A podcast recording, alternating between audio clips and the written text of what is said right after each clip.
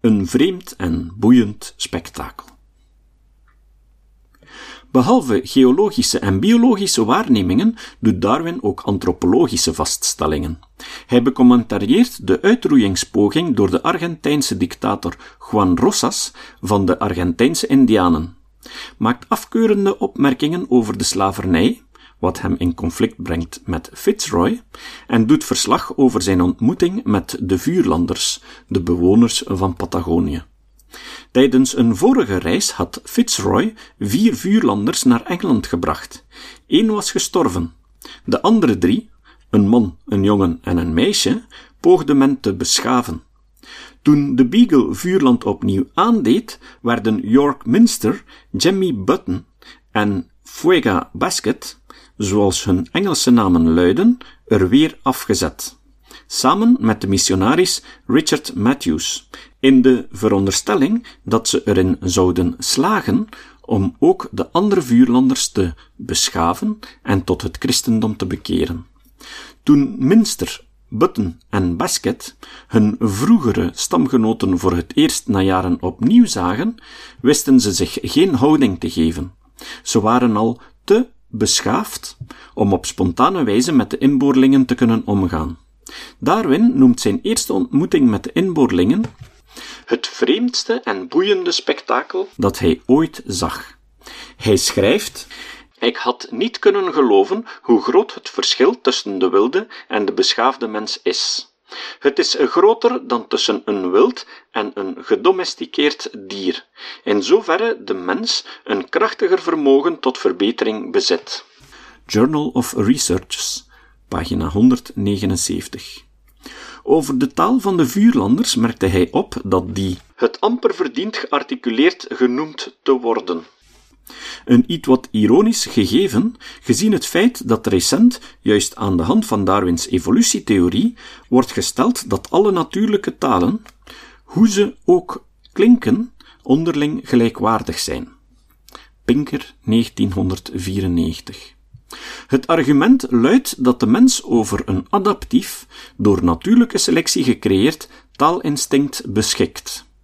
Dat stelt hem ertoe in staat op jonge leeftijd om het even welke taal aan te leren en er zelfs een nieuwe te scheppen uit componenten van andere talen, een zogenaamde creooltaal. Elke taal, ook die van de vuurlanders, en elke spontaan of natuurlijk gecreëerde taal is zowel grammaticaal als semantisch even rijk als om het even welke andere, bijvoorbeeld het Engels, dat Darwin sprak. Ruim een week na zijn eerste kennismaking met de vuurlanders ontmoette hij enkele inwoners die er blijkbaar nog slechter aan toe waren dan diegene die hij het eerst had gezien. Hij merkte op dit waren de meest abjecte en miserabele wezens die ik ooit aanschouwde. Bij het zien van zulke mensen kan men zichzelf amper doen geloven dat ze medemensen en bewoners van dezelfde wereld zijn. Het is een algemeen onderwerp van speculatie in hoeverre sommige minder begaafde dieren plezier kunnen beleven aan het bestaan. Hoe gegronder kan die vraag niet gesteld worden met betrekking over deze barbaren. Journal of Research, pagina 184. Men vraagt zich af, schrijft hij, waar deze mensen vandaan zijn gekomen. Waarom hebben ze de betere streken verlaten om zich te vestigen in dit onherbergzame deel van het land? Er is geen reden om aan te nemen dat hun aantal afneemt. Bij gevolg moeten we, aldus Darwin, wel veronderstellen dat ze een voldoende hoeveelheid geluk ervaren, wat voor soort het ook wezen mag, om het leven de moeite waard te maken. Hij besluit met een lamarckistische opmerking. Door de gewoonte almachtig te maken en de effecten ervan erfelijk, heeft de natuur de vuurlander aangepast aan het klimaat en de producten van zijn land. Ibid, pagina 185. Deze bladzijden van zijn journal bevatten een aantal ideeën die Darwin later in The Descent of Man 1870-1871 verder zou uitwerken. De idee dat gewoonten erfelijk kunnen worden doorgegeven, behield hij, zij het met enige ambivalentie. De gedachte dat geluk een overlevingsvoorwaarde is, liet hij varen. Organismen, inclusief de mens, zijn meer of minder aangepast aan de omgeving. Indien ze te weinig aangepast zijn, verdwijnen ze. Zo niet, kunnen ze blijven bestaan. In beide gevallen doen gelukservaringen niet veel ter zake, tenzij aangetoond wordt dat geluk een voordeel oplevert in de strijd voor overleving en voortplanting. Maar het tegendeel kan evenzeer het geval zijn. Ik merkte al op dat Darwin veel van zijn reiservaringen door een Britse bril bekeek. Dat blijkt misschien nog het meest uit het volgende citaat. De perfecte gelijkheid tussen de individuen van deze stammen moet hun beschaving lange tijd vertragen. Zoals we zien dat dieren, wier instinct hen dwingt in groep te leven en een leider te gehoorzamen, het meest in staat zijn tot verbetering. Zo is het met de rassen van het mensdom. Of we het nu beschouwen als oorzaak of als gevolg, de meeste beschaafden hebben altijd de onnatuurlijkste regering. Wat vuurlanders nodig hebben om beschaafd te worden, is een leider. Maar het is moeilijk te begrijpen hoe er een leider kan opstaan voor er een of andere soort van eigendom bestaat, waardoor hij zijn autoriteit kan manifesteren en nog kan vergroten. Journal of Researches, pagina 189-190. Dergelijke passages verraden het Britse imperialisme en het kapitalisme van de tijd waarin hij leefde en nadacht.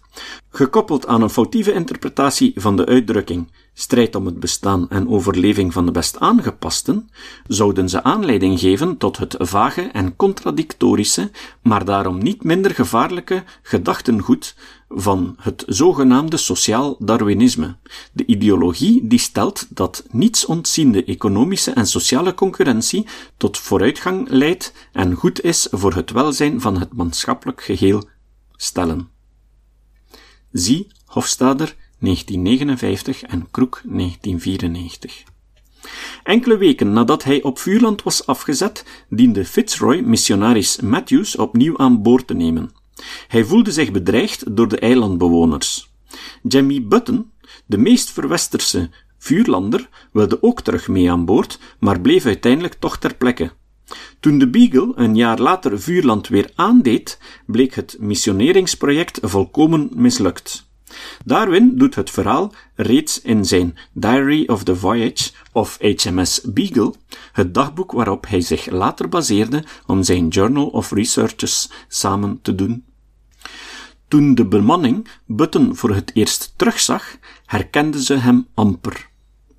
Het was vrij pijnlijk hem te aanschouwen. Diary, pagina 196. Weg waren zijn Engelse kleren en waardigheid. Zijn haar was lang en hij was beschaamd de Beagle te zien. Maanden geleden al was zijn lotgenoot York Minster naar zijn eigen gebied teruggekeerd na Button en zijn moeder te hebben beroofd. Op een paar Engelse woorden na was Button er niet in geslaagd zijn stamgenoten iets van zijn Engelse opvoeding bij te brengen, maar had in tegendeel zijn oude gewoonten en praktijken weer opgenomen. Hij wilde niet mee terug naar Engeland. Darwin schrijft ik hoop en twijfel nauwelijks dat hij even gelukkig zal zijn als wanneer hij zijn land nooit verlaten had, wat veel meer is dan ik voorheen dacht. Ibid, pagina 197. Oorspronkelijk was Darwin van mening dat het beschavingsexperiment met de vuurlanders aantoonde dat de menselijke natuur plastisch was, maar de uitkomst ervan deed hem zijn opvatting herzien. Desmond en Moore schrijven: Het was nu duidelijk dat Jimmy's gewoontes ingebakken waren. Sinds mensenheugnis had zijn volk zich aangepast aan deze wildernis, en geen civiliserende invloed zou zijn diepgewortelde instincten kunnen uitwissen. 1991, pagina 148. De contacten met de vuurlanders moeten een diepe indruk op Darwin hebben nagelaten en hadden mogelijk een rechtstreekse impact op zijn latere denken over de concurrentie en de oorlog tussen organismen en soorten. Tussen haakjes, over het ontstaan van soorten en ander werk, haakjes dicht. En over menselijke natuur, de afstamming van de mens. Hiermee is uiteraard niet gezegd dat het Darwinisme inherent sociaal-darwinistisch is. Primordiaal is de vraag of het een wetenschappelijke verklaring biedt voor wat het beweert te verklaren, onafhankelijk van Darwins inspiratiebronnen.